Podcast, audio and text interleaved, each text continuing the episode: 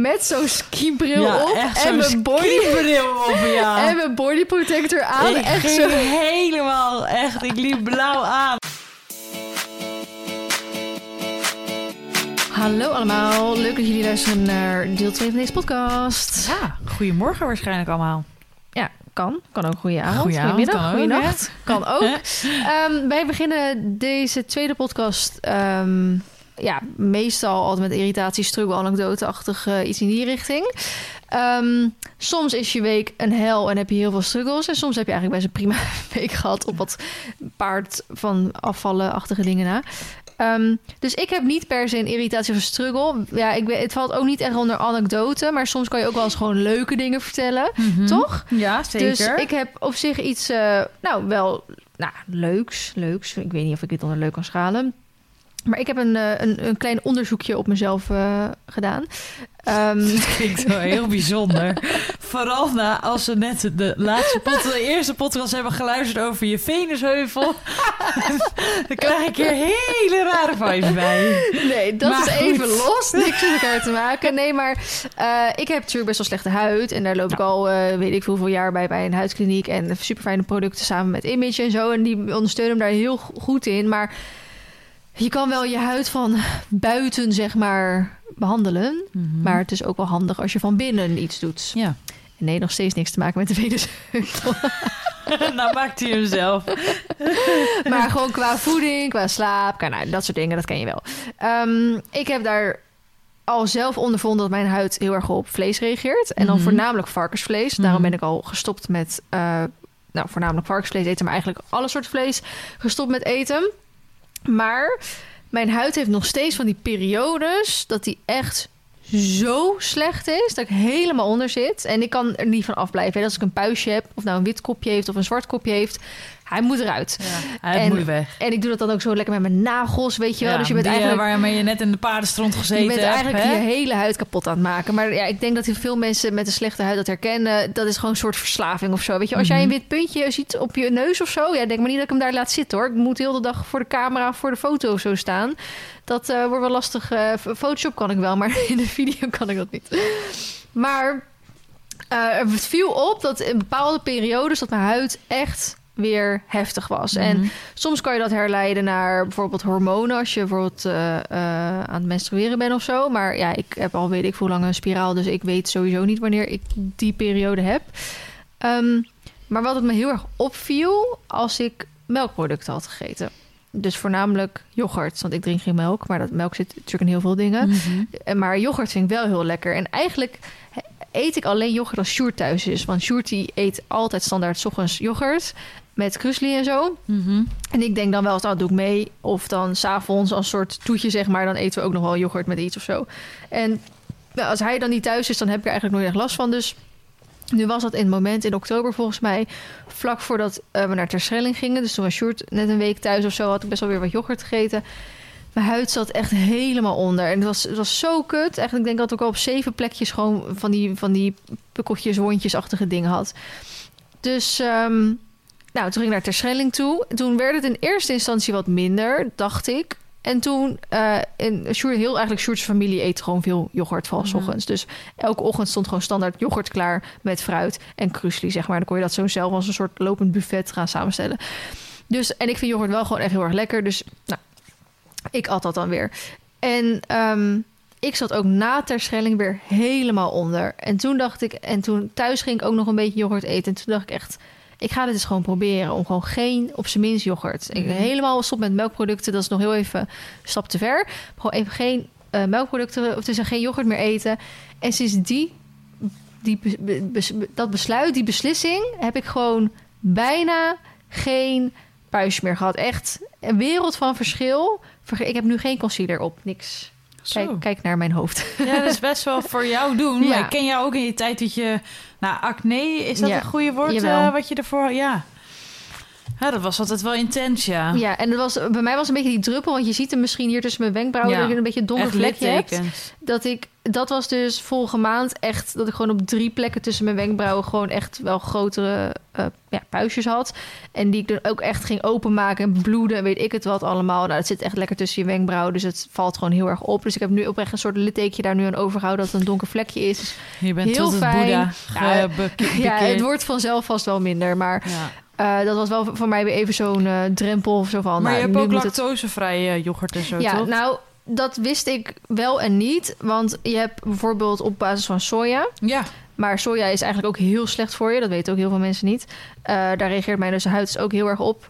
Ehm, je hebt ook op basis van kokos. Nou, ik vind kokos een van de ranzigste Oh, dingen die ik er bestaan. hou echt met heel mijn leven van kokos. Ik Ik, ben ik echt een alles. kokosfreak. Ik haat alles daarmee. Nee, echt love my life. Ik Geef me een kokosnoot en echt gelukkiger krijg je me niet.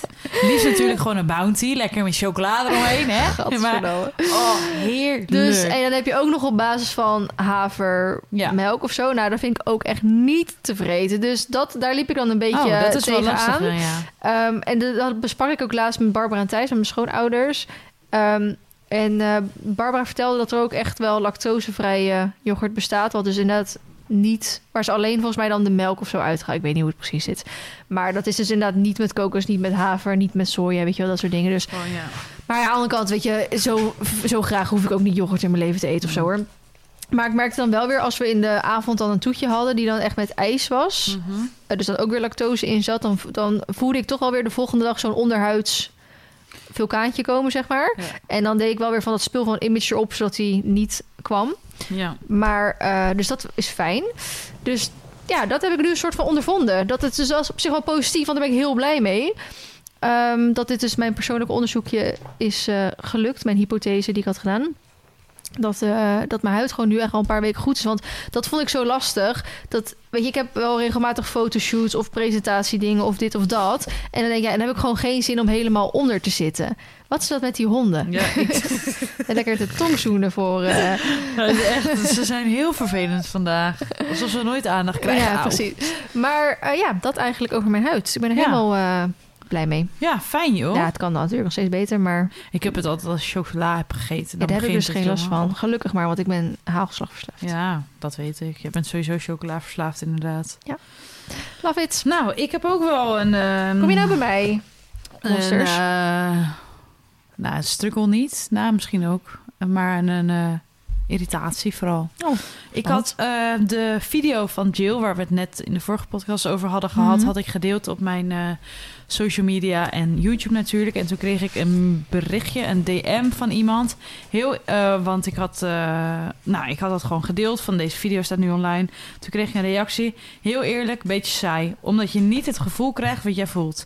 Ik snap dat het voor jou heel waardevol en leerzaam is. Maar als kijker zie ik, alleen, ik zie, zie ik jou alleen maar voltes draaien. Je hoort wel wat Jill zegt, maar dat is heel onbegrij- ongrijpbaar als je er niet zelf ervaart. Geen kritiek, maar ik wilde wel even mijn mening geven. wat heb je hier Dus ik moest even relativeren. En ik dacht, oké, heeft ze dan gelijk, weet je wel? Zie je dan geen verschil? Nou, het antwoord is in mijn optiek, nee. Als je dit, als je dit verschil niet kan zien, dan is er wel eigenlijk iets mis qua basiskennis Ja. met je. Ik heb ook niet alles gekeken, maar ik heb zo'n beetje de belangrijkste stukjes zo gekeken. Ja. En dan zie je gewoon echt gewoon heel goed Ja, verschil. maar zij, het ging er gewoon omdat ze het be- beetje als saai beschreef. Toen Ja, dacht ik dat- echt, ja, maar dat is niet echt... Ja, maar het is, ik vind het anders als je elke week zo'n video online gaat zetten. Nou, ik vond het verschil, daar ging het me om, van het begin tot het einde, is echt mega. Ja, en je kan niet het iedereen naar de zin maken. De Nou, een vindt dat. Dit dus heel interessant. Maar ook dat er dan bij staat geen kritiek, maar ik wilde wel even mijn mening geven. Nou, volgens mij hebben we gezegd als je geen, eh, Nou, geen zin in die ik had mening dus gevraagd, want ik dacht ik moet het even relativeren. Ik moet niet meteen met een gestrekt been erin Mhm. gaan. Maar dit was wel een reactie dat ik dacht, ja, hier wil ik wel wat mee. Want ik word er wel een beetje, ik krijg er wel een punthoofd van. Dus ik had gereageerd. Dus je kan ook niet, dus je kan het ook niet zien wat er gebeurt, weet je wel? Als vraag gewoon van, ehm, als iemand dan had gereageerd van. eh, Nee, zie kun je me dan uitleggen wat er dan precies gebeurt? Of, ja, dan, Ja. dan vind ik het nog wel heel anders. Maar Ja. zij reageerde niet heel goed. Je ziet dat er iets in de hoofd-halshouding gebeurt, maar niet heel goed. Maar wederom geen kritiek. Eh, snap dat het voor jou veel meer leeft.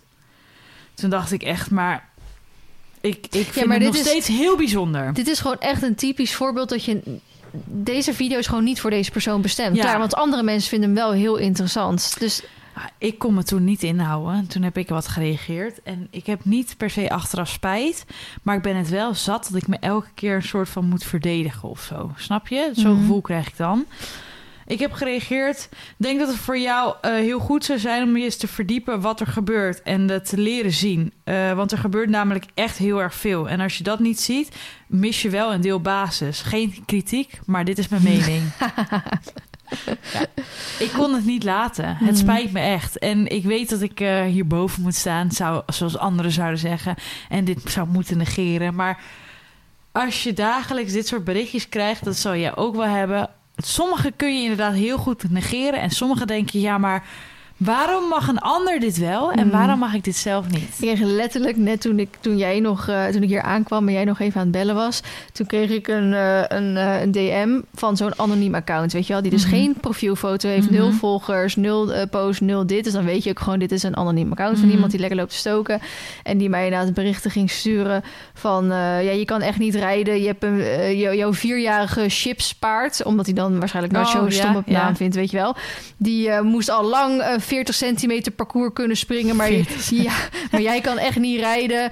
Please reageer even. Dat Ja. ja, nou, Maar ik, ik ga, het gaat nog verder, want Oh. ze reageerde dus... Oké, sorry hoor, maar dit voelt echt wel als een aanval. Ik vind dat, het best, vind dat best wel kwalijk, maar ga er ge- verder geen woorden aan vuil maken. Succes met jullie leerproces. En ze heeft me geblokkeerd, of tenminste, ze heeft me ontvolgd. Maar toen dacht ik, eigenlijk doe ik spiegel haar nu. Ik doe eigenlijk hetzelfde.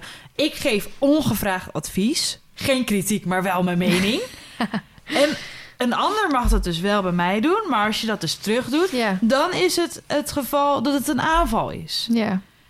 Ja, Als ik jij vind wil uitdelen, moet je ook kunnen ontvangen. Dan moet je ook incasseren. ja. Want ik vind als je zulke dingen niet kan zien... dat het best een, een groot deel van de basiskennis is. Ja. Mist. Ja. Hoe je het ook wil zien. Mhm. En als jij het lef hebt om mij een berichtje te doen van joh, eh, geen kritiek, maar eh, het is wel mijn mening. Maar het dan niet kan ontvangen en dan zo. Ja, daar, ik moest wel. Ik heb daar wel om gelachen. Maar ik dacht wel van, ik vind, ik vind hier wat van. ja, het is weer erg bijzonder inderdaad. Dus dat was wel dat ik, ik struggle daar dan mee. Omdat hoe groter je wordt, hoe meer van dit soort reacties je Mhm. krijgt. En hoe meer je video's bekeken worden, hoe meer reacties daarop zullen komen. Terwijl ik dan bijvoorbeeld had verwacht dat er veel meer reacties zouden komen. Negatieve reacties op het feit dat ik op Nacho had gezeten. Mhm. Op een veel te klein inchadel. Ik denk, nou, daar ga ik echt met de grond gelijk mee gemaakt worden. Nee, ik kreeg alleen maar reacties. Wat staat dat paardje leuk? Dacht ik, ja, dat vind ik ook. Als Feline hem op een gegeven moment kwijt is, dan staat hij gewoon bij mij in de achtertuin.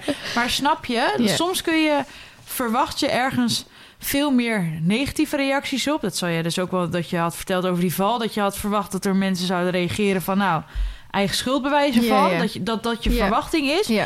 Dat je dan wordt overladen met positieve positiviteit. Mhm. En dat er op andere dingen zijn waar jij dan helemaal niet bij nadenkt. En Ja. waarvan je dan denkt van nou, als ik hier toch eens kritiek op krijg. Ja, dat kan bijna niet. Ja, het kan dus wel. Ja. Dat verbaast me. En dat, ik, ik storm me daar soms wel aan. Ja. En dan zeggen mensen, ja, dan had je maar geen influencer moeten worden. Dan denk ik, ja, hou je bek. Ja. Ja, ik vind Nou, dat ook zo kort de bocht. ja, nou dat was... Wij hebben toen de vorige podcast gehad over dat voorbeeldfunctie, hè? Ja. En daar heb ik toen ook een reactie of een DM over gekregen. En dat was wel gewoon eh, een hele, ja, wel een, een positief opbouwend, zeg maar, eh, Mhm. volwassen DM was dat. Maar ik heb hem niet helemaal gelezen, want het begon al over iets van. ehm, ja, eh, ik, ik, ik, snap waarom jij het vervelend vindt dat je constant voorbeeldfunctie eh gezeik hebt. Maar ik snap niet dat jij niet begrijpt dat je niet eh, dat voorbeeldfunctie ding hebt. En denk, ja, maar ik, ik snap het wel, maar ik ben het er niet mee eens. Dat Ja, is het eigenlijk. Dat is heel wat Dat anders. is heel wat. Ik, ik ben het er niet mee eens dat ik overal een voorbeeldfunctie in heb. En het is niet per se dat, dat je kiest om influencer te worden. Heel vaak word je het ook gewoon. Ja. Ik ben als 14-jarige begonnen met... Dit komt door jou, vriendin. Ik kan jou aanklagen. dit is jouw schuld. Ja. Kijk, tuurlijk, Ja, vind bepaalde dingen best kies je wel- er ook wel Soms voor. Maar, is het gewoon heftig dat mensen zo... Ja, ik weet niet. Ik, ik vind daar wat van. Ja, ik ook. En zoals nu het ook- niet mee eens. Nou, dan krijg ik deze reactie. En dan denk ik, ja, maar dit is niet eerlijk. Nee. Maar hoezo mag jij dat wel maar tegen mij zeggen, maar mag ik niks terugzeggen? Jij bent influencer. Geen kritiek, alleen mijn mening. Ja, Dat vind ik niet eerlijk. Nee, Nee. dan... dan eh, en heel veel, echt, geloof me hoor, ik krijg wel vaak... Nou, het is niet dat ik dagelijks haat krijg of zo, of kritieke reacties. Maar soms wat je zegt, dan kan je het lezen en denk je... Ja, doei, hier heb ik Ja. geen zin in. En soms denk ik, ja, maar nu ga ik er even met een gestrekt beentje in. ja, soms kan Ja, we gewoon soms, even ja. ook niet... Wij dan zijn ook ik- menselijk. Ja. We willen soms En ook als gewoon ik dan even al een zitten. kutdag heb gehad, dan denk Ja. ik, nou, dat wil ik ook wel even. Kom maar door, kom maar op, hè? Wat heb je nog meer te zeggen? Weet je dat? Nou, goed, en door. Even op iemand afreageren, nee. Ehm, wij doen ook wel eens eh, even leuke nieuwtjes uit de paardenwereld eh, bespreken. Ja. Ik had deze in november eh, nog voorbij zien komen. En ik vond hem kant nog wel slaan. In, deze stond op de hoefslag. In deze tijd waarin het welzijn van de paarden onder een vergrootglas ligt... en we aan de buitenwereld willen laten zien hoe goed we onze paarden, voor onze paarden zijn... gaat het bij de achterdeur mis. Ik zal even de column erbij pakken. Ja, ik wou zeggen, ik ga ook even met je meelezen, want dan kan ik een beetje Ja. zien. eh, We mochten dit jaar weer naar Horse Event. Een evenement Oh ja. waar veel te zien en te doen is voor paardliefhebbers op alle niveaus en in alle disciplines. Verspreid over twee dagen deze keer. Het eerste weekend youth. Kut woord om uit te spreken. Jeugd gewoon. Stond vooral in het teken van YouTube-sterren. In het pro-weekend stond kennisoverdracht op de eerste plaats. Voorheen vonden er interessante clinics plaats in verschillende pistes, terwijl het gros van het publiek voor de YouTubers kwam en in kilometerslange rijen stond te wachten voor een handtekening van hun held. Dit vaak met hun rug naar de vakmensen gekeerd die hun kennis wilden delen. Deze nieuwe tweedeling was een goede zaak, maar ik vind het wel jammer dat kennis en ervaring blijkbaar minder belangrijk zijn dan het aantal volgers dat iemand heeft. Daar schuilt een gevaar in, want hoe goed al die YouTube-paardensterren het ook bedoelen, zijn zij vaak niet geschoold en missen de kennis en ervaring die bij veel paardenmensen wel aanwezig is. Deze sterren beïnvloeden, zoals dat ook bij niet-paarden-influencers gebeurt, hun volgers. Dat zijn vaak jongere mensen die de toekomst zijn van onze sport. Ik heb de laatste tijd heel wat filmpjes teruggekeken en ik word daar niet altijd blij van. In deze tijd waarin het welzijn van de paarden onder een vergrootglas ligt en we aan de buitenwereld willen laten zien hoe goed we voor onze paarden zijn, gaat het bij de achterdeur mis. Die achterdeur neemt steeds meer plaats van de voordeur in en dat moeten we voorkomen. Ook niet-paardenmensen kunnen deze filmpjes bekijken, waarin vaak niet het juiste voor het paard wordt getoond, meestal uit onbewust onbekwaamheid. Gelukkig zijn er steeds meer grotere ruiters die zich op YouTube begeven en wel met de juiste kennis en ervaring de paardensport etaleren. Voor mij moet kennis namelijk altijd voor het aantal volgers gaan. Ik eh, ga hier straks mijn mening over geven. mhm. Ik ga eerst een eh, reactie Ja, van zeggen, eh, ja. Bianca Schoenmakers, want die heeft het best wel vaak, die reageert best wel vaak op dit soort eh, dingen, ook goed inhoudelijk. Ja. Zoals- Zij is echt goed in onderbouwen ja, ook, hè? heel goed. Gelukkig beseffen steeds meer ruiters met kennis dat social media mooie platformen heeft om kennis te delen en jezelf te etaleren. En er zijn influencers die content maken bij interessante paardenmensen. Al staat die groep die de kennis zou kunnen gebruiken vaak niet te wachten op informatie. Ik merk het zelf dat op social media de grappige of gekke foto's en filmpjes het beter doen dan de informatieve. Terwijl één er voor mij vaak veel. Te- Oh, wat is raar gezegd. Terwijl één er En- voor mij veel meer werk. maar er is geen twee. Terwijl voor mij vaak veel meer werk in zit in een goed geschreven stuk over een rijtechnisch onderwerp en bijbehorende foto's of filmpjes. De stof is nou eenmaal ooit langdradig en saai. Daarnaast heb je ook te maken met eigenwijze pubers die je voor gek verklaren, omdat die manier voor, voor hun verzorgpony niet werkt en met liefhebbers van de natuurlijke die je voor het dierenbul uitmaken omdat je met een bit rijdt. Ik begrijp dus heel goed dat veel paardenmensen met kennis demotiverend om hun kennis online te delen. Het is mij niet helemaal duidelijk voor wie de column eigenlijk geschreven is, behalve je ei kwijtraken, wat ik heel goed begrijp. Verder het doel ervan. Ik denk namelijk dat er niet heel veel aan te doen is, omdat je voor influencer zijn geen diploma nodig hebt en jongeren nou eenmaal het lieve, snelle, korte, grappige content zien. Nou, daar nog wat mensen natuurlijk op eh, gereageerd. Ik vond het ook een beetje, wat ik zeg, ik vond het een beetje apart van inderdaad voor wie schrijf je dit nou? Mhm. en, en probeer je nou een, een punt te maken, ja of nee? Dat, dat denk ik inderdaad wel, dat hij degene dat wilde. Maar waar ik een beetje... Nou, wat ik sowieso altijd wel lastig vind... is dat ze dan zeggen van... ik heb wel filmpjes gekeken... en daar wordt dan niet echt het juiste laten zien. Dan ben ik altijd benieuwd naar, naar wie kijk je dan. En inderdaad, ja... Ik zit te lachen. Heb je... Ik, sorry dat ik je onderbreek. Er staat een reactie onder. Hoefslag. Volgens mij is dit een perfect voorbeeld van jullie, he, uh, tussen haakjes, in deze tijd waarin het welzijn van de paarden onder Ja, een die vergrootglas ligt en we aan de buitenwereld la- willen laten zien hoe goed we voor onze paarden zijn, gaat het bij de achterdeur mis. Mooi onderwerp voor dit artikel, maar geen fijne foto. En al helemaal niet voor de buitenwereld. En dan hebben ze een foto van een paard wat wel de oortjes naar voren heeft en een soort van ander paard soort van probeert te bijten. Ja, ik heb precies, maar die had ik ook gezien. En we hebben dat ook wel eens in vorige podcast vaker over Ja. gehad. De keuze van foto's die vaak Niet wordt altijd, gekozen. eh, Het is sowieso als je op hun Facebookpagina gaat scrollen, Ja. dan kom je eigenlijk meer foto's tegen waarvan je denkt waarom, in plaats van dat je denkt oh goede Ja. keuze. ja, Maar Dat. ehm, wat ik een beetje Nou ik kwijt. lastig hiervan vind, is dat ze natuurlijk aan ergens een beetje gelijk heeft. Maar ten eerste, het is inderdaad zo dat mensen willen, mensen willen tegenwoordig meer graag de echte wereld of zo zien. Hè? Daarom zijn vlogs veel populairder dan Mhm. video's bijvoorbeeld. Ze willen gewoon graag relatable zijn, alsof hè, het in jou kunnen vinden. En heel veel professionals staan er. Ik weet je bij hoeveel plekken ik ben geweest, waarvan ik denk, jij kan echt informatie delen met mijn volgers en dat ze dan niet wilden dat ik beeld en of geluid eh, wilde Ja. tonen, omdat zo vaak heel veel dingen in context zijn. Dat Ja. als jij daarbij staat en je staat naar bij die training of zo te kijken, dat je echt en, en diegene geeft les, dat je echt denkt, oh ja, oh ja, oh ja, oh ja, oh werkt dat zo? En als je dat dan in een video zeg maar zou zien, dan zou je heel erg soort van de, het verhaal eromheen missen. En dan zou de kijker er bijvoorbeeld er niet mee eens zijn. Ja. En die instructeur of wat dan ook, die denkt echt, ja, boeien wat diegene van mij vindt. Ik heb gewoon eh, mijn vaste klanten en eh, ik heb genoeg eh, Mhm. klanten die ik lesgeef en zo. Dus ik hoef die, ik hoef die exp- exposure niet te hebben. Dus dat is inderdaad heel vaak zo dat, dat die mensen zich er een soort van niet mee willen bemoeien. Maar ik vond het ook een beetje raar dat ze ergens zei dat, dat, we, dat influencers vaak niet het goede voorbeeld geven. Terwijl ik zoiets heb. Naar mijn mening is het juist door heel veel influencers versterkt om paarden veel meer naar buiten bijvoorbeeld te doen. ja. Om ze in kuddeverband eh veel meer uur per dag tot aan een hele dag naar buiten te doen. ja, maar je moet je voorstellen dat ze daar misschien bij de hoefslag denken. Wij zijn allemaal sportgerelateerd en Ja. het moet allemaal in bubbeltjes plastic naar buiten. Ik noem maar wat. Hè? Bijvoorbeeld zou kunnen dat ze dat vinden inderdaad. Ja, En- dus dan, dan is het ook, dan is het alsnog weer mening en persoonlijkheid. Ja. Ehm, wat wel en niet goed is. Kijk, het is natuurlijk. eh rolkuur is afgeschaft. Mhm. Hè? Even plat gezegd. Dat, dat, is, dat is allemaal. Dat mag niet meer. Nee, nou weet je hoeveel we dan nog doen? Ja. Maar kun je daar echt de YouTube-filmpjes van terugvinden? Van how to eh rolkuur rijden? nou,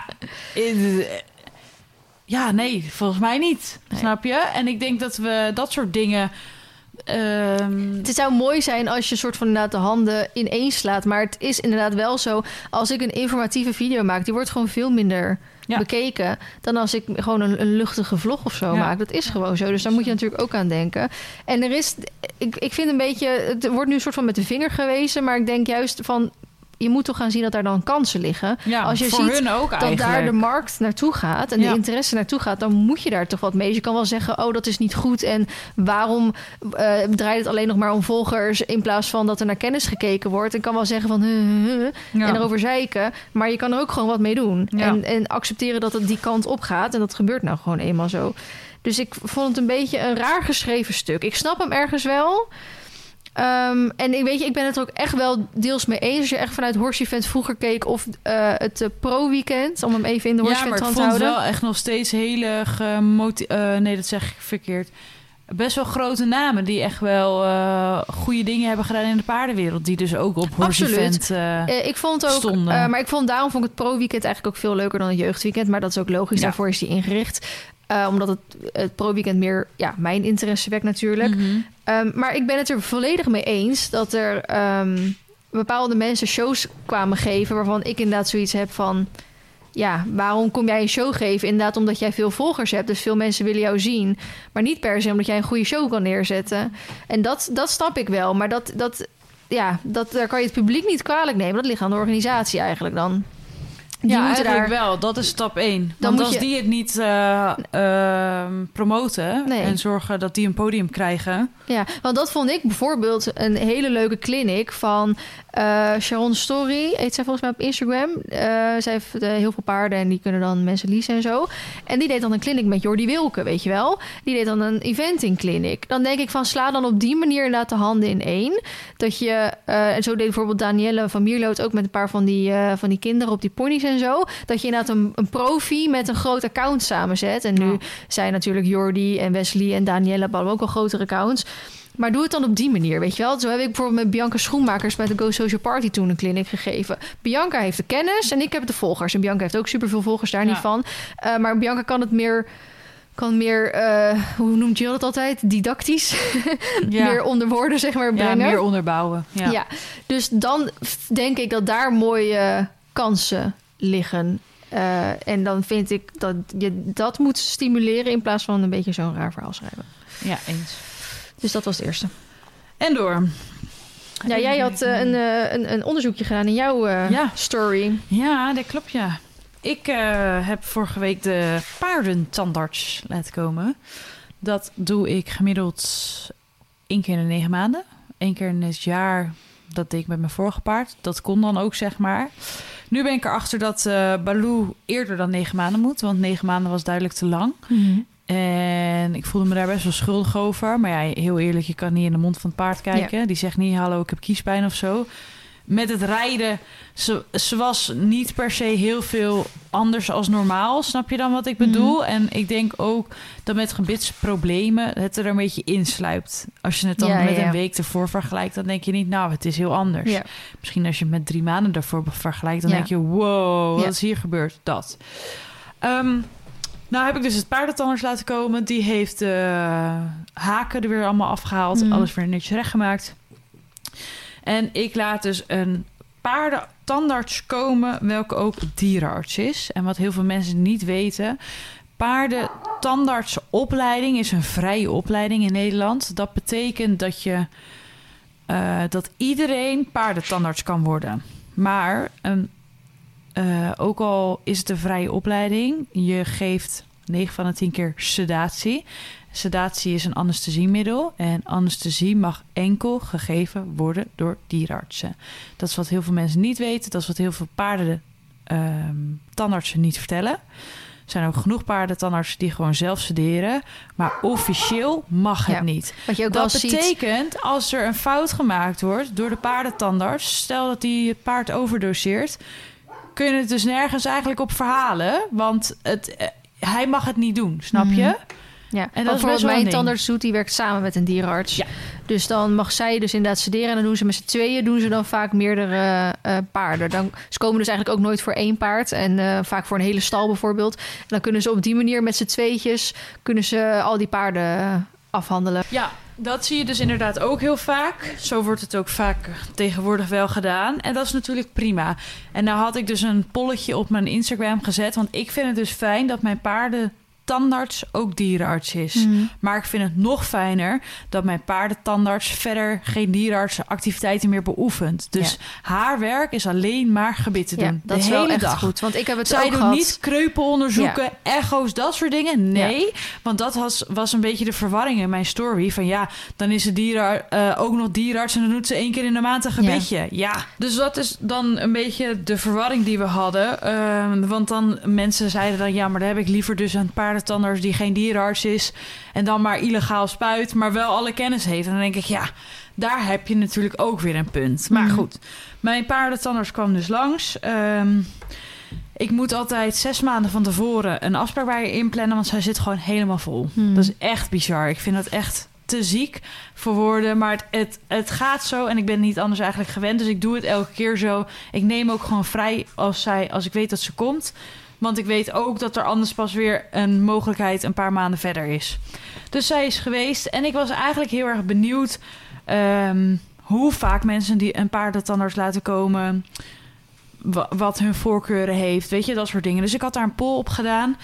En het viel me eigenlijk op dat sommige mensen... Ik eh, zal even de cijfers erbij pakken. Ik denk dat dat nog wat leukste is. Ogenblikje. Ja, want qua voorkeuren is het natuurlijk niet alleen... ehm, met, eh, met of zonder verdoving bijvoorbeeld.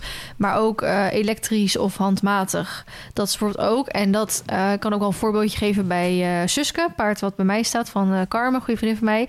Suske die is ach, was toen 18, toen ze dus bij mij kwam staan. En die was altijd met de hand gedaan. Want dat had diegene als voorkeur. En ik weet nou niet zo goed of ze met of zonder verdoving eh, was gedaan. Maar Suske had een heel scheef gebit. Dus die tanden die liepen eh, zeg maar gewoon echt zo, zo gewoon diagonaal soort van. En Ja. eh, die tandarts had ook gemist dat ze even twee gebroken kiezen had. Ja, Want die, die zaten er ook al wel iets langer. Maar ik vind handmatig kun je het gewoon nooit zo goed krijgen nee. als elektrisch. Ehm, ik had de poll in mijn stories gezet. Hoe vaak komt jouw tandarts? Eén keer per half jaar, één keer per negen maanden, één keer per jaar of wanneer ik denk dat het nodig is. Nou, voor jullie idee, eh, mijn stories worden, deze is, is rond de 5000 keer bekeken. En eh, ik denk door, ik tel even snel, ruim, 2000, men- ruim 3000 mensen mee, zeg maar, ge, Gestemd? Eén keer per half jaar stemt 28% Eén keer per negen maanden stemt 9 Eén keer per jaar stemt 54% En 10% stemt wanneer ik denk dat het nodig is. Terwijl, wanneer is dat dan? Ja, omdat je wat zegt, het sluipt een soort van langzaam in. Ja. Dus je hebt het niet echt door wanneer het nodig ja, is. dus ik kreeg ook een vraag van een meisje. Soms een heb het pas door als het te laat is. Wanneer weet je dan dat het nodig is? Ik zeg, nou, dat kun je eigenlijk niet weten. Want jouw paard steekt niet zijn vinger op en die zegt... hé, hey, ik heb kiespijn. Ja, of hij wordt in één keer heel erg kut. Maar dan heel vaak denk je eerder dat het ergens anders aan ligt. Spierpijn. Ja, Eh, hij heeft de dag vervelend. niet, hè. Ja, nou, probeert onder het werk uit te komen. Ja, Ja, dat snap je. dat zijn maar De- ouderwetse eh, Ja. uitspraken. Dan had ik, en doet de tandarts het, re- eh, handmatig met verdoving, handmatig zonder verdoving, elektrisch met verdoving of elektrisch zonder Ik verdoving. was wel blij om te zien dat de meeste 60% eh elektrisch met verdoving zijn. Ja, uiteindelijk is het eh 15% stuurt handmatig met verdoving. 17% antwoordt handmatig zonder verdoving. 61% antwoordt elektrisch met verdoving. En 8% elektrisch zonder verdoving. Nou, sorry. Ik vind daar wat van. Ja, ik kan me dus niet voorstellen dat het paard zegt... nou, kijk maar even rustig in mijn bekkie, hoor ik hou mijn kaken wel even van elkaar af. Nee, dat, dat geeft toch zoveel spanning. Ik denk dat ze daar tien keer veel meer last van hebben dan die sedatie. Ja, Dat zit- denk ja. ik echt. Ik heb Marley dus vroeger ook zonder verdoving gedaan. Ehm, omdat het een soort van dacht ik ging. Ja, omdat het is hij ook onwetendheid. was. Maar ik denk echt dat het zoveel spanning met zich Maar meebrengt. dat is bijvoorbeeld Mars heel erg binnenvetter. Dus die zal niet Ja. gaan eh, stijgeren, gekke dingen doen en zo. Maar ehm, het was ook op een gegeven moment zo... als je bijvoorbeeld... Ik doe ook één keer in het jaar... Ehm, maar als ik één keer in het jaar deed... dan moest er eigenlijk weer zoveel gebeuren... dat je Mhm. beter met verdoving kon doen. Want dan was hij veel sneller klaar. Mhm. Dan als je één keer per half jaar was... hoefde er maar weinig te gebeuren. Dus dat kon dan wel op die manier, Mhm. weet je wel. Maar je hebt als, er, als die verdoofd is gewoon veel...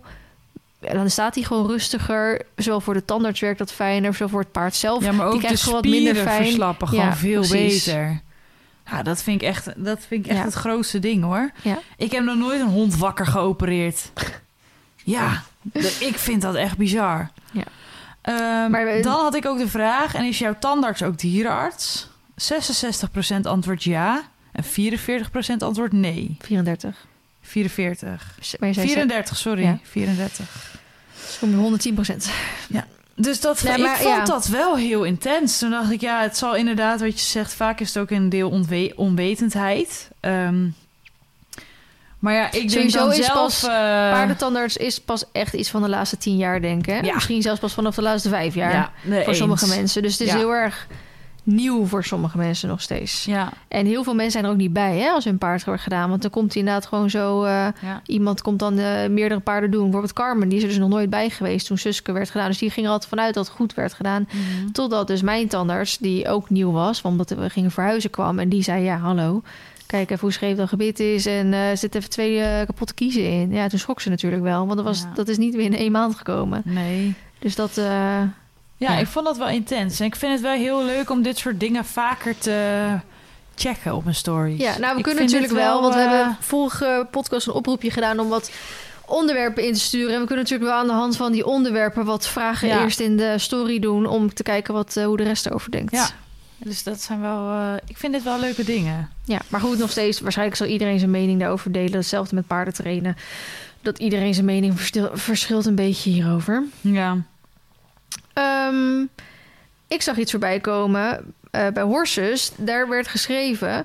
Tot nu toe wordt nauwelijks gehoor gegeven aan het advies van het KWPN om een helm te dragen bij het voorstellen van hengsten op de eerste bezichtiging. Ook het KWPN-team staat zonder helm in de baan en hetzelfde geldt voor Wim Versteeg, die de hengsten lineair scoort op de straat. Onder andere familie van Manen, Aris en Marcel van Manen en Jeroen Witte eh, gedragen zich voorbeeldig. Sjoerd van Leeuwen maakt er een graf van met een bouwhelm. Ehm, nou, daar werd natuurlijk een hoop eh, reacties op. Eigenlijk alle reacties die onder dat eh, bericht stonden... waren wel van, nou, hoe moeilijk is het om gewoon een cap op te doen... en een, eh, een, een trap heb je zo gekregen en bladibla. Maar een goede vriendin van mij, Sterre... die heeft Ja. er recent ook een trap gekregen tijdens die zo'n keuring. Niet, dat gaat nog niet zo helemaal. gaat nog niet zo heel goed, nee. inderdaad. Dus ik zag, ik moest gelijk eigenlijk aan Sterren denken toen ik dat artikel zag. Toen had Sterren er dus zelf ook op gereageerd. Van ik ben hier gedeeltelijk mee eens, maar ook niet. Ik heb zelf drie maanden geleden tijdens het voorbrengen een trap van een paard gehad in mijn gezicht. Een cap zou mij niet geholpen hebben, aangezien ik aan de voorkant geraakt ben. Hier heeft. Hier geeft een cap geen bescherming voor. Wel is het bescherming voor de bovenkant van je hoofd. Maar verder heeft het geen enkele nut als je naast een paard staat. En dat is natuurlijk heel erg lastig. Van ja, als die je midden in je gezicht raakt, Ja. dan heb je natuurlijk Ja. eh, niks aan die cap. Maar raakt die je bovenop je gezicht. En dat is natuurlijk het ding. Bovenop je hoofd, onder je schedel, zeg maar, zit gelijk je hersenen. Als je Mhm. daar een trap krijgt, nou, dan ben je echt heel ver van huis. Ben je of gelijk dood of dwarsle of is hoe verlamd, gehandicapt, hoe noem je dat? Eh, en als je in je gezicht krijgt, dan moet alleen waarschijnlijk je gezicht vaak eh even gereconstrueerd, eh, hoe zeg je dat? Gereconstrueerd worden. Eh, dus daar was wat van te zeggen. Ik, eh, ja, ik, ik snap het wel waarom ze dat zouden moeten doen. Ja. Ik heb het vaker, ook zelf als ik nu ga longeren of grondwerken, dat ik er gewoon een cap op doe. Omdat ik me een soort van veiliger voel of zo. Ook, maar, maar ook omdat, Trek anders ook even een airjacket aan. ja, maar ehm, ik heb gewoon bij Nacho bijvoorbeeld, die is zo gewoon jong en onbezonnen nog. En dan, hij is zo groot en dan, ja. dan zwaait hij weer zijn hoofd over mijn hoofd heen. En dan, dan knalt hij weer tegen mijn hoofd aan. Dat ik soms echt denk, nou, het is gewoon veiliger om even een cap ook aan de grond naast dit paard Ja. te doen, weet je Ja. wel. Dus ik stap hem wel ergens. Ja, Maar ik vind het even- wel goed om dat soort eh, discussiepunten inderdaad... eh, dat, dat dat soort dingen tegenwoordig besproken worden. Ja, dat er onderzoek naar wordt gedaan. Ja. Ja. Ja. Gisteravond waren wij aanwezig bij de Hoefon première. Yes. Het gala van 2022. het was een hele leuke avond. Ja, was heel leuk. Echt goed verzorgd, overal over nagedacht. Ik vond het echt top. De avond van mijn leven gehad. Onze heren mochten mee. ja heel leuk We hebben was het dat. hartstikke Ik vond het echt gezellig zo leuk dat Sjoerd er was. Dat hij ook echt mee kon. Echt fijn ook voor jou inderdaad. Anders ben je, ja, dan heb je wel een vriend, maar die kan dan nooit mee of ja, zo. Ja, precies. Eh Hoefon was superleuk. Ehm het is dus, eh, nou goed, streamingdienst met allemaal paardencontent. Ik maak daar serie voor. eh, op stap met Vlienen. Eerste aflevering daarvan staat ook op YouTube. Tweede aflevering dus alleen Hoefon. Hmm. Derde aflevering gaan we deze, dus in december dus maken. En eh, ze hebben dus ehm, tijdens die première dus... van bij alle beetje soorten content die er gemaakt wordt, even korte stukjes laten zien. Dus ze hadden ook een stukje van mij eh, laten zien. En ik vond het eigenlijk geen stuk. ik vond het echt heel grappig, want ze hadden eerst gewoon een stuk... Ze hadden van aflevering 2 gepakt. Ja, Dus, bij die ehm, leeuw eh, eerst ja, helemaal leuk, Eerst, leuk, eh, leuk, nou, eerst een buitenrit in de duinen. Ja. En toen inderdaad bij de tijgers. eh, en bij Stichting Leeuw was dat. En toen dus dat we gingen... ehm, hoe noem dat nou? Ja, ik wil zeggen wakeboarden, maar dat is het niet. Horseboarden. Horseboarden. Ik zat vanmiddag ook over een woord na te denken. Horseboarden op het strand. En dan zag je dus eerst die andere mensen zo horseboarden. en dan Zei zie Sjoerd je- tegen, kijk, dat is Verline. Zegt hij tegen mij, zei, ja, in de dromen. Dus dan zie je mij op een gegeven moment op dat scherm. In, met mijn cap op. Met zo'n skibril Ja, op. en mijn body, op, ja. en mijn body protector aan. ik echt ging zo. helemaal, echt, ik liep blauw aan op zo'n groot bioscoop. Het Scherm, ja, Het echt. was echt... Raap me op. Normaal, tussen andere mensen zullen, zullen zich waarschijnlijk kapot schamen dat ze zo te zien. Maar ik Nee. vond het hilarisch. Ja, ik vond het ook echt Ik vond top. het fantastisch dat ze dat moment hebben uitgevoerd. Maar je hoorde ook heel veel andere mensen lachen. Echt gewoon hoe ik er ja, zag. Maar gewoon dat is ook gewoon de serie, weet je wel. We gaan leuke dingen doen, interessante dingen doen... maar Ja. er moet ook humor ten alle Ja, tijden in. echt. En daarom zei ik ook toen ik er zo bij stond... weet ik nog dat ze dat eigenlijk niet wilden filmen. Want ze zeiden ook van, ja, maar...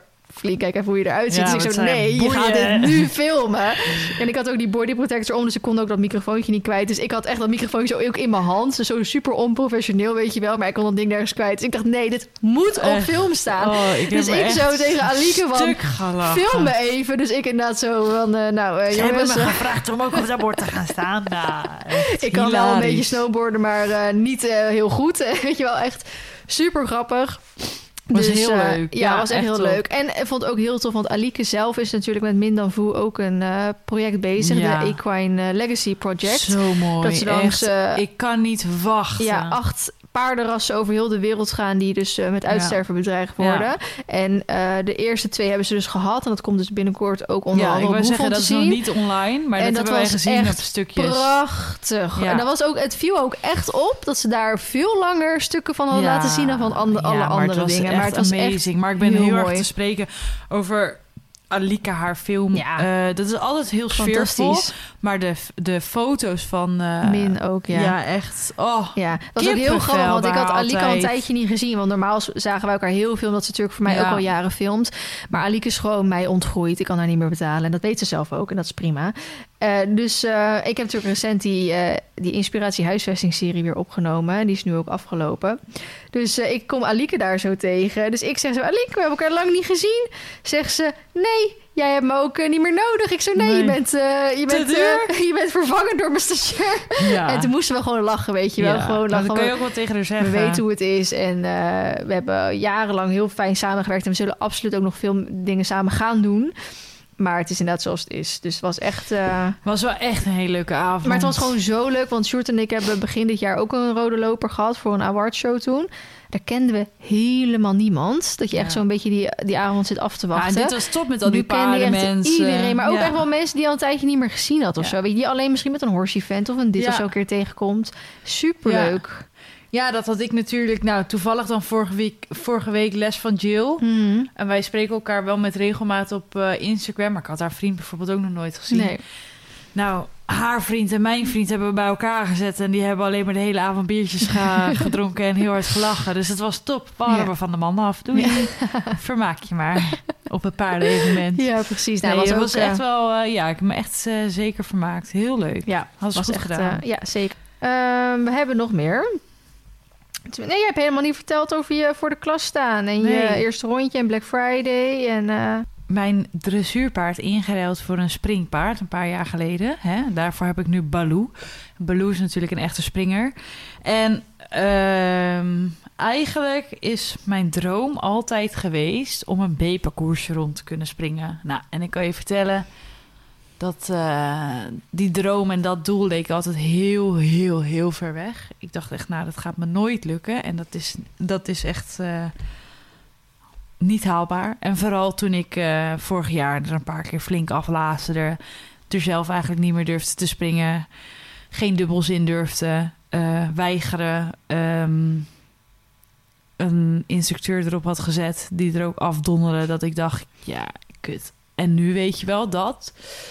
En al helemaal toen ik op een gegeven moment een beetje vertrouwen had opgebouwd en in maart ging oefenspringen en bij het inrijden er al naast lag, ehm, dacht ik echt, nou, dat gaat echt nooit. Dit gaat, dit gaat een heel lang traject worden.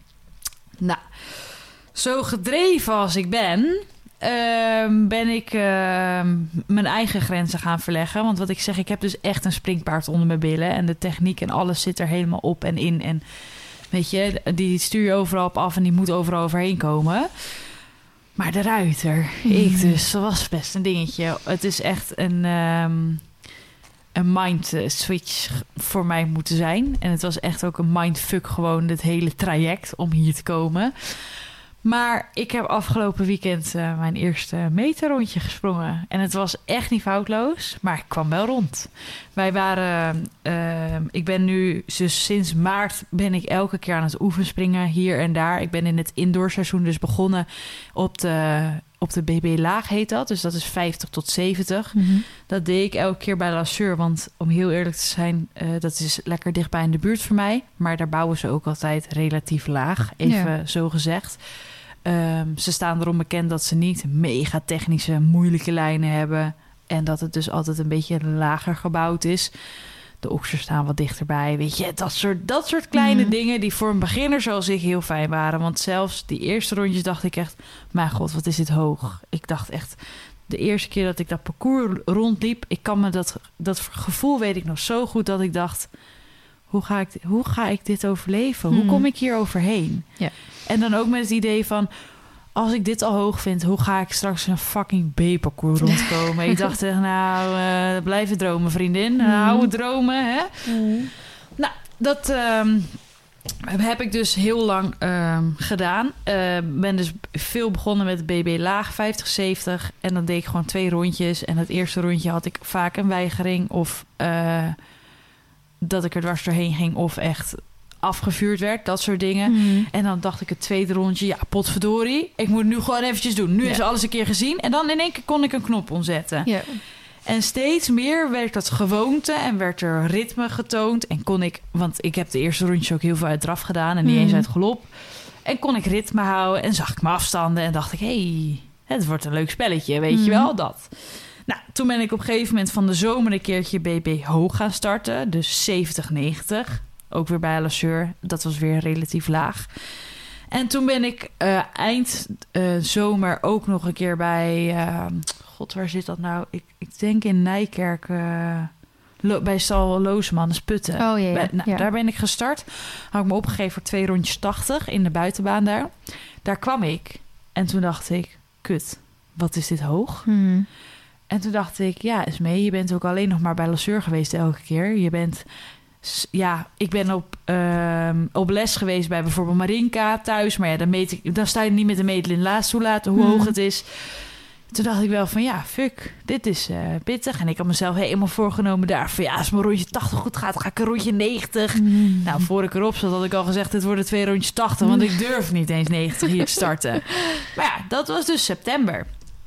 En toen dacht ik ook, nou, weet je, ik had aan het begin van het jaar het doel voor mezelf teruggesteld van, nou, dan moet het dit jaar de B wel lukken. Maar ehm, ik zag dat wel afdwalen, want ik dacht, ik moet ook naar mezelf blijven kijken. Ik moet wel eerlijk blijven. Ik moet wel als ik dat paard geen vertrouwen kan geven, dan vind ik het niet eerlijk om een, om een meterparcours te starten met zo'n jonkie. Ja. Omdat ik gewoon weet dat ik haar dat vertrouwen dan niet kan geven. En natuurlijk mag je best wel een beetje twijfelen. Eh, maar als jij al bij voorbaat denkt, dit kan ik niet en ik ga toch wel dood. ik dacht, met die insteek kan ik dat niet doen, snap je? Dus Niet? Oh. Nee, heb ik niet gedaan. Eh, Een paar rondjes dus nog 80 gestart. Toen heb ik eh, vorige week, twee, drie weken terug ook op concours geweest. Toen heb ik een rondje 80 en een rondje 90 gestart. Zeg ik dat goed? Nee, nee. Toen heb ik twee rondjes 80 gestart, indoor. Mhm. Toen dacht ik weer, ja, indoor is ook weer anders. Hmm. Smallere bakken, van alles. Dus ik vond dat best wel ook weer dat ik dacht... weer een nieuwe, soort van weer een nieuwe stap, zeg maar. Omdat je Mhm. dan net allemaal zo aan het instappen bent. Daar heb ik, ik zou daar een rondje 80 en een rondje 90 starten. Maar dat eerste rondje 80 dacht ik... ik wil eigenlijk mijn tweede rondje zo perfectioneren... dat ik gewoon helemaal denk, dit is het. Snap je? Nou, dat is gelukt. En dat tweede rondje reed ik echt dat ik dacht... holy shit, wat een vertrouwen. Hier moet ik op doorbouwen. Mhm. Nou heb ik ervoor gekozen om thuis niet meer te springen. Als in thuis op stal, zeg maar. Omdat Mhm. ook de focus op de dressuur lag. Want ik moest ook nog eventjes tussendoor nog die punten voor de beden halen. Maar ik had me wel opgegeven voor 3 en 10 december voor het springen. In de Voorn, bij de Voornruiters en bij Sylvia's Hoeven. Mhm. En ik heb me daar eigenlijk gewoon opgegeven als rondje 90. Eigenlijk ro- twee rondjes 90. En met als het goed gaat, een rondje meter. Dat had ik Maar eigenlijk. je wil dan drie rondjes gaan springen. Nee, eh, oh nee. Eh, een rondje 90. of Nee, ik geef me op voor twee rondjes 90. Maar als ik na het eerste rondje een goed gevoel heb, wil ik Ja. een rondje meter. Ah, oké. Dat. Dus Ja. dat je laatste last minute ook. kan Of- switchen. Nou, toen kreeg ik bij de Voornruit al te horen van... ik zet je op de lijst voor 90 en een meter. Mocht het nou na het eerste rondje 90 niet goed voelen... is het makkelijker om nog Ja. een rondje 90 te rijden... dan dat we je nog dat een keer bij de meter moeten neerzetten. Dus toen stond ik dus op de... en dit is echt al van vorige maand heb ik dit al gepland... want het zit elke keer helemaal stampvol daar... wat helemaal goed is natuurlijk, Mhm. want het is een gewilde. Maar toen dacht ik, dit, dit, dit is echt al begin november zeg maar helemaal ingepland dat ik dan daar ging starten. Mhm. En dat zou dan een rondje 90, ja, en dan eventueel een rondje meter zijn. Toen dacht ik echt van, ja, what the fuck, hoe ga ik dit doen? Dan moet ik dus wel eventjes gaan trainen. Want de laatste wedstrijd die ik heb verreden was dus eind oktober. Ja. Nou, toen eh, zag ik, werd ik getipt door ehm, Franka van Iti de Mer... Mhm. eh, dat er bij het KNS-centrum in Ermelo... dus dat is het grote paardencentrum Mhm. zoals we dat allemaal wel kennen... is één keer in de zoveel een x-periode oefenspringen. En dat oefenspringen is dus niet wedstrijdgerelateerd. Dus je hoeft echt niet eh, in het wit gekleed. En er zit geen jury aan de kant, helemaal niks. Maar er staat wel gewoon een officieel parcours. En je kan daar kiezen of dat je met begeleiding rijdt of zonder. Mhm. En ik had geen idee wat je dan met begeleiding moet verwachten, om het even zo te zeggen. Mhm. Eh, want ik dacht, heb je dan een soort van les of hoe gaat het dan? Maar dat, dat is het dus eigenlijk niet. Er wordt gewoon gekeken naar korte, bondige tips die gegeven kunnen worden om jou comfortabeler dat parcours rond te sturen. Dus van tevoren zeg je, hier en hier loop ik tegenaan. Dit en dit wil ik graag meenemen of nou, dat. En daar kun je dan een soort van aan werken. Het fijne daar ook is ook, als je je parcours hebt rondgereden en je denkt van nou, dat lijntje wat ik daar reed was helemaal kut. Mhm. Nou, dan rij je die opnieuw. Ja, chill. Dus dat was helemaal perfect. En dat gaf mij heel veel rust. Toen heb ik me opgegeven voor rondje 90 en een meter. Want ik dacht, als het daar goed gaat, Mhm. dan kan ik doorpakken. Maar als Ja. ik daar bij die 90, bij het eerste rondje al denk... jeetje, wat ga ik hier doen? Mhm. Dan weet ik ook dat ik mijn plannen voor 3 en 10 december moet aanpassen. En dat ik me misschien voor twee rondjes 80 om moet geven. Nou goed, wij dus zaterdag naar Ermelo toe. Ik had... ehm, mijn vaste crew is Roseline. Maar ehm, omdat ik dus bijna de heel december in teken stond van wedstrijden, zei ik van joh, ik vraag jullie wel gewoon mee. Dat is makkelijker, doen we dat wel. Dus ik had jullie vrij gepland, want ik kan gewoon in onze, in onze gezamenlijke agenda. En ik zei gewoon, hé hey, yo, Pikkemans, eh, je mag niet weg dan, want eh er zit wedstrijd helemaal mee. Maar je vindt dat ook leuk. Zolang het springgerelateerd is, vindt hij het echt wel tof. Maar dat is 50, 70 was hij wel op uitgekeken. Mm. Na twee keer dat ik kwam kijken, dacht ik, ja, dat weet ik nu wel. En Ja, ja. eh, vind het wel best. Ga maar Mm. een stapje hoger. Nou, goed. Toen kreeg ik zaterdagavond een berichtje van eh Roosline. En ze kan het niet laten, wij komen ook kijken. Ja. Dus die kwam linea recht naar Ermelo. En dat gaf mij weer heel veel rust. Want zij weet gewoon hoe ik inspring. Ik hoef haar niet te vertellen hoe ik het wil hebben. Ze doet het gewoon, snap je? Ik heb een, een vast ritme. Met het inspringen staat er altijd een steltje en een okser. Mhm. Sinds ik van dat, in die okser ben gevallen met het inspringen op eh Lasseur toen begin Mhm. van het jaar... spring ik geen oksers meer in. Niet. Mhm. Nooit. Oké. Helemaal niet meer. De oksers die er staan op het inspringen vind ik ook altijd hoog. Terwijl in een parcours, ik weet niet, heb ik een zieke focus en dan kan ik de hele wereld aan. Dus ik spring alleen maar die steltjes. Mhm. Het eerste steltje bouwen we altijd om naar een kruisje. Eh, helemaal aan het begin deden we altijd met een drafbalkje. Nu doen we dat niet met drafbalkje, maar kom ik wel gewoon uit draf. Mhm. Trek ze aan, dan galoppeer ik gewoon aan. Maar de eerste keer uit draf, tweede keer uit galop en dan bouwen we op. En dat is zeg maar, dat kruisje is 30 centimeter. Dan doe ik een steltje van 50. Gaat dat goed? Of moet ik nog een keer als de afstand te dicht of echt dat je denkt, jeetje, wat doe je? Mhm. Dan doe ik hem eh, nog een keertje. En zo bouwen we dan op naar 70, 80. Ja, en nu moest ik dan een meter springen. Dus hadden we hem opgebouwd naar, ik denk, rond de 90. Mhm. Ik spring wel geteld. Zes sprongen zondag met het inrijden. Want toen dacht ik, ik heb het er al. Dit is prima. Ik ga weer stappen. Mhm. Ik ben daar ook niet om mijn paard te leren springen. Ik ben daar om par- parcours te rijden. Dus Ja. ik hoef er niet helemaal af te matten met het inspringen al. Mhm. Drie keer, vier keer gesprongen, dat steltje. Prima, klaar. Hup, stap. kwam ook goed uit, want ik moest eigenlijk al de ring in. Toen kwam ik daar de ring in. Maar ja, Ermelo is natuurlijk best wel eh, een entourage. Ja, ja. En daar hadden ze natuurlijk ook wel van gemaakt. Want er stonden natuurlijk overal planten, bloembakken. weet je, ze hadden er echt een concours van. Ja. Een vibe van gemaakt. En ik moest mijn eerste rondje 90 springen. En ik had hem al gelopen, zeg maar. eh, want ik was als een van de eerste na het eh, lopen. En toen dacht ik al, nou, dit is wel echt 90 jaar. Maar ik dacht, als ik nu al ga denken, oh, wat is dit hoog? Ga ik, gaat dit me niet lukken? Mhm. Ik moet mezelf een keer vermannen. Dus ik zat gewoon, godverdomme eens mee. Je gaat het nu gewoon doen. Je gaat niet zeiken. De hele tijd zo. Ik dacht, niet zeuren. Het is niet toch. Jullie kunnen dit. Weet je dat? Ik had echt duiveltjes in mijn hoofd. Het was echt, het was echt mentaal heel erg, echt wel zwaar, vond Mhm. ik zelf. En ehm, Nou, ik heb er een paar rondjes gedraafd en ik ehm, had mezelf ook voorgenomen, want normaal doe ik dus altijd de eerste sprong uit draf. Ja, want stel je voor dat ze op de eerste al weigert. Maar ik dacht nu ook, nee, hup, we galopperen aan. Geen zei, ik wil dit gewoon op mijn manier doen. En we gaan nu gewoon alsof we dit al jaren doen, Mm. doen. En zo ben ik eigenlijk dat parcoursje begonnen. Maar op de eerste moet ze dan altijd een beetje kijken en kloten. En dan word ik een beetje narig. Dus dan krijg ik echt een rotafstand. Dus die hadden we, daar hadden we de eerste al een balk op de eerste. Mm. Omdat ik dan veel te dicht kom. Want zij denkt, Hè? en ik denk, ja, maar je gaat, weet je. En dat is een beetje, dat is allemaal net niet. Mm. En na, ik denk, sprong drie, had ik ritme. En dacht ik echt, ik kan de hele wereld aan. en ik zal je vertellen, er stond echt een technisch parcours. Mhm. Dat zei ook iedereen van holy shit. Dit is echt best wel... Er zaten lijntjes tussen dat je dacht... Poeh, je moet wel sturen, want anders ga- gaat het niet worden, weet je wel, dat. Mhm. En ik vond dat heel leuk, want dat, hij hielp me echt super gefocust. Ja, precies. Nou, zoals heel veel misschien ook wel weten, ik heb echt een probleem met dubbels gehad. Vooral op één galopsprong. Ik blokkeer. Ik kan niet meer rijden, helemaal niks. Ja. Ik weet niet meer wat ik moet We doen. hebben van alles gebroken toen ze gingen wij even Ja, ik, ben wel smerig een paar keer gevallen. Ja. En dat zit zo in mijn systeem. Mhm. En ik weet niet wat het was. Maar er stonden dus twee dubbels in. Mijn god. Ja, twee. Eentje. Dat was dus ook nog erg.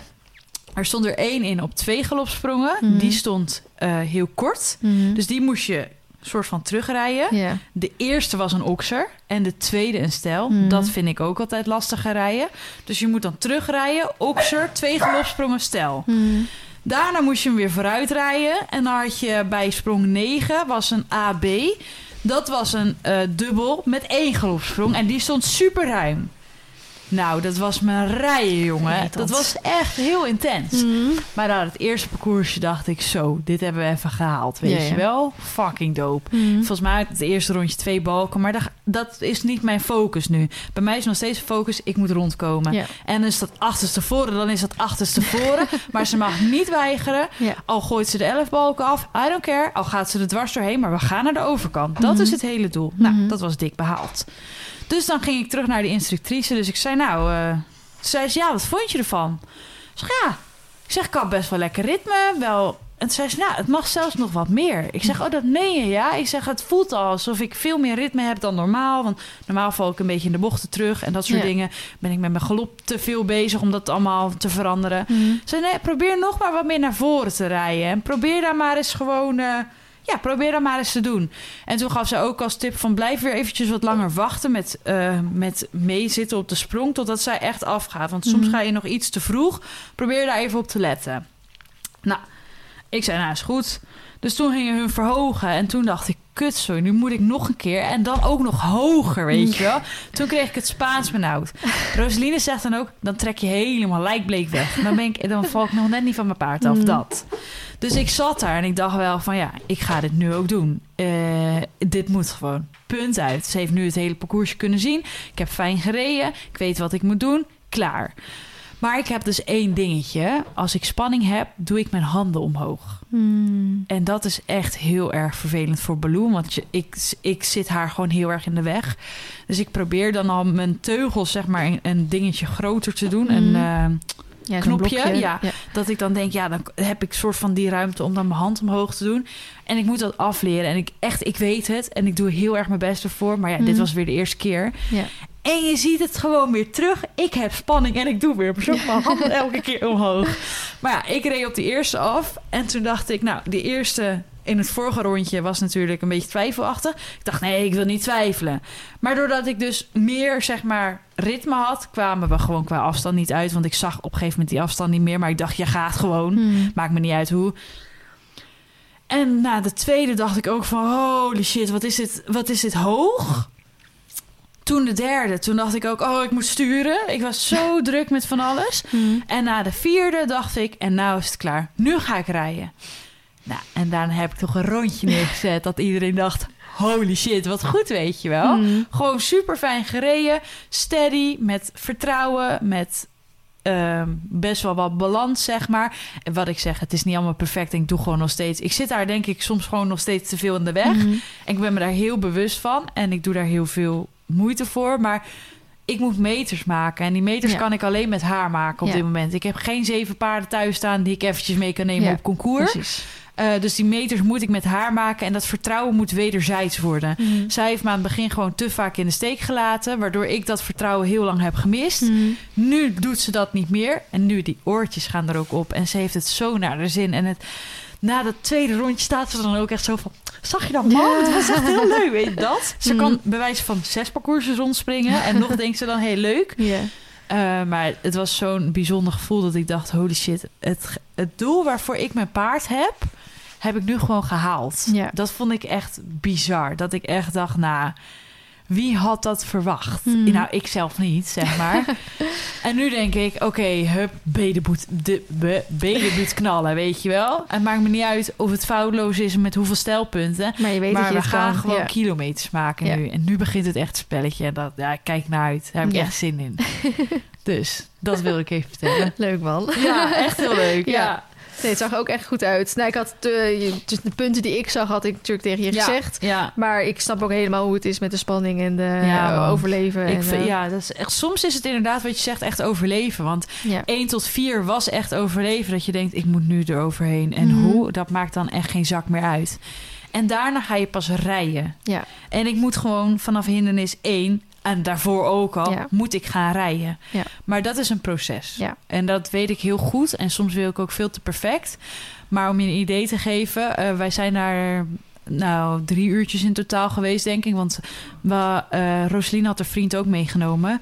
En haar vriend en Jury hadden we in de kantine gedumpt. Mhm. En dus die gingen ook lekker, lekker een beetje loeren en zo. En daar gingen we op een gegeven moment ook gewoon koffie drinken... om ook anderen te kijken. Want het is Mhm. super leerzaam om andere combinaties te kijken. Mhm. Probeer ik sowieso altijd op wedstrijd... als het lukt en mijn paard staat rustig op de trailer... probeer ik altijd even mee te kijken.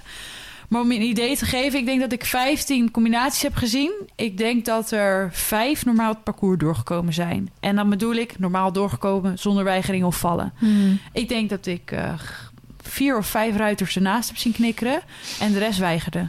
Op iets. Maakt Ja. niet uit, maar hè? Mhm. Dus de- dat is dan al voor mij een hele... Dat, ik vond dat dan... Dat klinkt heel erg lullig. Maar ik vind dat dan fijn om te zien dat het bij een ander ook niet perfect gaat. Mhm.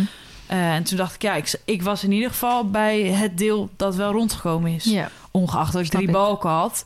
Maar ik dacht, wel, ja, Ja. dat, dat was dan voor mij alweer een hele overwinning. Ja. Ja. Dus ja. ja, maar Baloo begrijpt nu ook gewoon... we moeten naar de overkant. Ja, dus er is niet, eh, geen andere mogelijkheid meer. Dat heeft ze wel door. Ja, precies. Ja. Maar het is inderdaad wat ik tegen Esme had gezegd. Je ziet nog heel erg, en dat is, hè, dat begrijp ik volledig, dat ehm, er is eigenlijk maar één ritme. Ja. En dat is goed om een goed basisgrondtempo te hebben. Maar we moeten eigenlijk... Baloo, die, die snapt nu dat ze over die sprong heen moet. Maar Ja. Moet haar nog wel helpen met eh, de juiste parabool maken. Ja. Dus ehm, net voor de sprong nog of een beetje gas geven... Ja, of juist of- gas terugnemen. Ja, precies. En dat gebeurt nog niet helemaal. Het is Nee. nu gewoon zo in één ritme gaan we, gaan we erop af. en dan mist Baloo nog wel de kracht om dat voor jou op te lossen. Dus Ja. op dit moment, ik Ja. denk dat ze dat op een gegeven moment gaat ze dat wel kunnen. Ja, ze gaat Maar- dat spelletje vanzelf begrijpen. Ja, op dit moment heeft ze Esme daar nog in nodig. En dan snap ik dat ik precies hetzelfde gaan kan. Esme dat nog niet. En dat is ook Nee, prima. ja.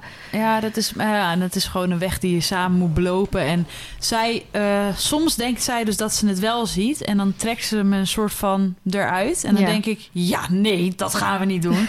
Want ze mag initiatief tonen, maar ze mag het niet van me overnemen. En Mhm. dat is een heel dun lijntje op dit moment. En daarom ben ik nog heel zoekend. En thuis kan ik dat heel goed oplossen. Want dan rij je een volte extra. Hmm. Maar in een parcours, omdat ik zo doelgericht ben om zo'n parcoursje rond te rijden zonder 16 voltes, Ja. eh, is, dat, is dat echt wel eh, is dat lastig. Maar het, Ja. is, het is zo tof dat het eindelijk Ja, lukt. snap ik. Oh, ben ik zo blij om. Echt heel blij voor jullie. Ja. En ik hoop ook dat ik dat, eh, nou ik wil niet zeggen snel mag gaan doen, maar wel... eh, ook, dat is mijn doel voor twee. Nou, niet een B-parcours, maar gewoon überhaupt beginnen met springen met ja, haar show. snap ik. Ja, maar dat, is, mijn- echt. veer- Dat is zo'n 40 centimeter eh, rondkomen. Ja, het is gewoon, het, het is echt heel bijzonder. Als je inderdaad daarvoor je paard hebt gekocht, zoals ik dat natuurlijk heb gedaan, Ja. dat is echt wel een hele serieuze beslissing die ik toen genomen heb. Want ja, tuurlijk, als ik het geld had om twee paarden te houden, dan was Isa ook bij me gebleven. Want ik, Mhm. heb haar, ik heb echt gezworen om dat paard voor altijd bij me te houden. Dus dat Mhm. was echt. Ondanks dat mensen dan denken van ah, dat heeft ze even makkelijk gedaan. Nou, dat was echt een moeilijke beslissing. Hmm. Maar als ik nu zie hoeveel plezier ik met Palou beleef en eh, wat voor team wij aan het worden zijn, dat, dat Ja. kan ik niet beschrijven. Ja. Dat is magisch. Ja. ja. Heel erg chill. Wil jij het ook nog over die andere dingen hebben? Of, Nee, ehm, we stoppen lekker. ik eh, kan niet meer praten. ik heb dus, dat is wel echt lastig. Ik ben aan mijn amandelen geopereerd, weet je Mhm. nog? Ik heb dus nog steeds last. Oh, dat is niet fijn. Nee, nu heb ik te veel gepraat en dan wordt het helemaal droog. Oh, ja. Ja, doet heel Dat, erg eh, zeer. niet, dus als jij nog wat te vertellen hebt, go your gang. Nou, Maar alleen ik stop met eh, praten. ik, ik zag bij jou op het lijstje staan eh, dat je voor de klas had gestaan. Dat is misschien leuk voor een andere keer. Ja. Ehm, Black Friday had je opgeschreven. Ja, ik was benieuwd of dat je een beetje sales gemaakt had. Heel veel. Oh, kijk Echt, aan. Dat, dat- ja. nou, misschien kun je daar wat over vertellen. Ja, nee, ik heb dus natuurlijk ook nog die webshop. En nou, wat daar de toekomst van is, hebben jullie de laatste podcast ook kunnen luisteren. Van het vorige seizoen dan. En ehm, of volgens mij, ik had dus Black Week gedaan, dus van maandag tot en Ja. met zondag. Maar Anne zou dan op de maandag daarna weer alles terugzetten. Maar die deed dat pas om een uur of twee 's middags, weet je wel, prima. Dus ik had nog op de maandagochtend mensen die nog even, die hadden nog eh, geluk. Prima is dat. En ehm, dus op maandag had ik toen al echt al, eh, wat zal het zijn, 20, 30 verkopen of zo. Dat is wel veel, ja. Dus, dus ik had gelijk voor de, ehm, de dinsdag ook een, een, nieuw ophaalmoment van DHL ingepland. En toen de volgende dag had ik het volgens mij ook weer zoiets. En toen zakte het weer wat in, weet je wel. Ik had ook niet heel veel meer verder eh geadverteerd Ja. of zo ermee. Ehm, dus dan was het bijvoorbeeld tussen de vijf en de tien of zo op een dag. En toen op, eh, op vrijdag, toen, nou, toen dat was Black Friday zelf dat was Black? Friday Ja. zelf. Dus ik weet niet of mensen dan meer soort van echt wachten Ja. op de vrijdag. Terwijl bij mij het Misschien dat ze dan maandag... denken dat er extra dubbele korting is. Ja. Dat dacht ik Ja, wel. ik had dat had sowieso- ik gehoopt bij heel veel dingen, maar dat was niet zo. Ik had sowieso niet heel, heel veel korting gedaan, omdat er gewoon niet zoveel marge bij mij op zit, omdat Nee. ik eh, graag lage prijzen wil aanhouden. Sowieso normaal al laat staan met korting. Ehm, dus ik had over volgens mij vrijdag en zaterdag had ik al 50 bestellingen of zo. Zo. Maar Zijn al die dekjes al uitverkocht? de dressuur sowieso. Oh my god. Eh, veelzijdigheid nog niet, maar ik ook wel verwacht. En daar heb ik ook een heel. eh, ik had er van de dekjes van de dressuur maar 10 en van de veelzijdigheid 25 of zo. Oh. Dus dat duurt wel iets langer voordat het uitverkocht is. Maar, ehm, en ik vond het heel erg leuk om te zien dat... Kijk, ik heb, naar, ik heb natuurlijk maar... Een, een- ik heb best wel weinig producten in de webshop staan... en bijna alles wat er was, stond er al een hele lange tijd. Mhm. Dus mensen die het al wilden, die hadden het al Ja. lang kunnen kopen. Dus dat ik dan nog steeds nu zoveel verkopen had... dat was natuurlijk Ja. hartstikke leuk. En eigenlijk zouden natuurlijk de halsters erbij Ja. zijn... maar dat was weer een grote flop. Dus dat was weer heel erg jammer. Ehm, dus daar was ik eigenlijk eh, ja, heel erg eh, blij mee dat het zo, eh, zo goed ging. Ja, leuk. En nou, eigenlijk wat, ik, wat wel opvalt is dat het nu nog steeds door blijft lopen. Dus ondanks de kortingen er nu vanaf zijn, Ja. blijft het veel meer doorlopen. En wat ook een goede keuze was, was dat we bundels gingen maken. ja, Dus dan had je ja. eigenlijk, als je dus, nou ik zeg even wat, rijbroek en sokken en een riem of zo. Ik weet niet hoe de bundels precies in elkaar zitten. Kocht, dan was je dus, had je dus nog meer korting.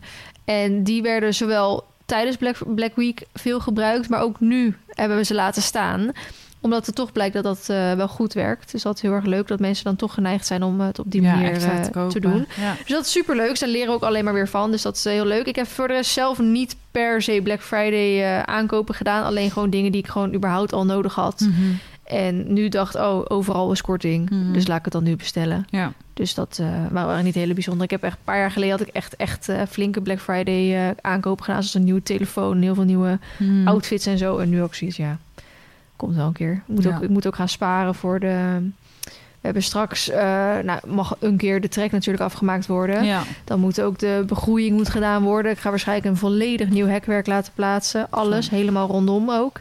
Ehm, we gaan in februari wordt het asbestdak van de schuur eraf gehaald en een nieuwe dak geplaatst. Eh, dus er zijn best wel komende maanden echt veel ja, grote bezig. kosten die ook echt duizenden euro's zeg maar kosten.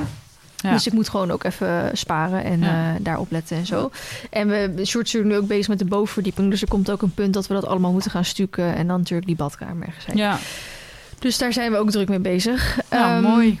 Dus dat eigenlijk over mijn eh, Black Friday. En het laatste wat ik nog eh, wilde vertellen... ehm, is dat het natuurlijk Vlogmas is. En we hebben in de vorige podcast al een beetje besproken wat het is. Ehm, en ja, ik, ja ik, ik wil nu wel iets meer erover vertellen, maar het is net begonnen. En dit is pas dag drie dat, we, dat ik aan het filmen ben. En ik heb deze vlogmas voor het eerst geen voorbereidingen getroffen. Ik doe hem wel hetzelfde als altijd. Als in Mhm. ik vlog met drie dagen vooruit, zodat ik speling heb ook voor het editen en zo. Mhm. Ehm, dat is dus een beetje kut, want ik was heel fanatiek begonnen en ook echt helemaal ingepland van oké, dan ga ik het editen en dan ga ik echt goed voorlopen. Maar toen moest ik alweer op twee dingen wachten. eh, waardoor ik dus nu woensdagavond Nou. dus nog steeds... Hij is bijna af qua editen, maar hij moet nog steeds afgeëdit worden. En dus als ik straks thuis kom hiervan, moet ik en editen... en, En wachten tot hij klaar is met ja. renderen... en Dat dan nog online kut. zetten. Dus Ja. dat wordt nachtwerk. En dus ik ga morgen wel kijken... Ja. Hoe laat wilde je hem online zetten dan? Zeven uur s ochtends ga ik hem nu doen. Ja. Omdat ik wat berichten van iemand... Normaal deed ik acht uur s ochtends. Maar best wel veel mensen... Dat is toen gekomen vanuit eh, corona. Vroeger deed ik half, half vijf 's middags uploaden. Eh, maar sinds corona doe ik in de ochtend uploaden. Eh, maar heel veel mensen gaan natuurlijk gewoon weer naar werk en naar school en zo. Mhm. En die zitten eigenlijk om acht uur al wel weer in de auto of in de trein Ja. of wat dan ook. Dus die zeiden van kan het niet zeven uur. Want dan kan ik juist tijdens mijn ontbijt of tijdens eh, mijn make-up aan het doen ben of zo. Kan ik dan kijken. Dus ik heb hem nu naar zeven uur verplaatst. En daar waren heel veel mensen heel positief over. Dus ehm, Leuk, ik ben heel benieuwd. Ja. ja ik doe niet mee. Nee, ik dat red snap het ik. niet. Maar ik, Echt eh, dat is best wel kut. Want nu denk ik bijvoorbeeld... oh, dan ga ik morgen even binge editen. Dat ik even weer die drie dagen kan inhalen. Mhm. Maar ja, editen ben je gewoon een paar uur mee bezig. Laat staan dat je meerdere video's moet doen. En je zit nu gewoon altijd met Vlogmas. Dat is gewoon echt... Vlogmas is één grote puzzel. Omdat je dus... Je moet filmen. Minimaal liefst 20 minuten een onderwerp hebben. Het wordt vroeg donker. Ja. Dus daar moet je ook nog rekening mee houden. Ik vond bijvoorbeeld normaal heel fijn om 's ochtends te editen. ja. En dan smiddags met de paarden te doen. Maar dan kom ik pas rond een uur of twee ga ik iets met die paarden doen. Dan heb ik eigenlijk nog maar twee uur daglicht, weet je wel? Ja. Dus dat is best wel lastig alweer. Dus dan moet dat eigenlijk helemaal omgooien. En het is, eh, nou wat ik zeg, het is wel, ik doe het wel zoals altijd, dat ik met drie dagen vooruit werk. Maar is wel voor het eerst dat ik eigenlijk geen planning heb. Omdat ik voor het eerst sinds eh, drie jaar twee gezonde paarden heb. Ja. Die ik allebei kan inzetten ervoor. Omdat vorig jaar Marley geblesseerd echt net was. Net vlak voor Vlogmas. Die had toen die eh, scheur in zijn bilspier. Ja, zeg, En dat ja. jaar daarvoor was Olympus toen ziek. Eh, en toen had ik dus ook weinig motivatie met Mar om iets te doen. Ja. En het jaar daarvoor ging Olympus net de revalidatie in. En het jaar daarvoor had ik volgens mij dus net Olympus gekocht. Dus dat was dan wel iets beter. Dus het, ik, ik heb al drie jaar achter elkaar dat Vlogmus gewoon best wel eigenlijk een kut timing is. Ja. En elke keer doe ik het wel. En ik heb het. Ik weet niet, volgens mij heb ik het vorig jaar wel gered. Ik weet niet helemaal zeker. Het was bijna altijd wel dat er één of twee dagen het me niet lukte om het op tijd eh, af te hebben of, of iets.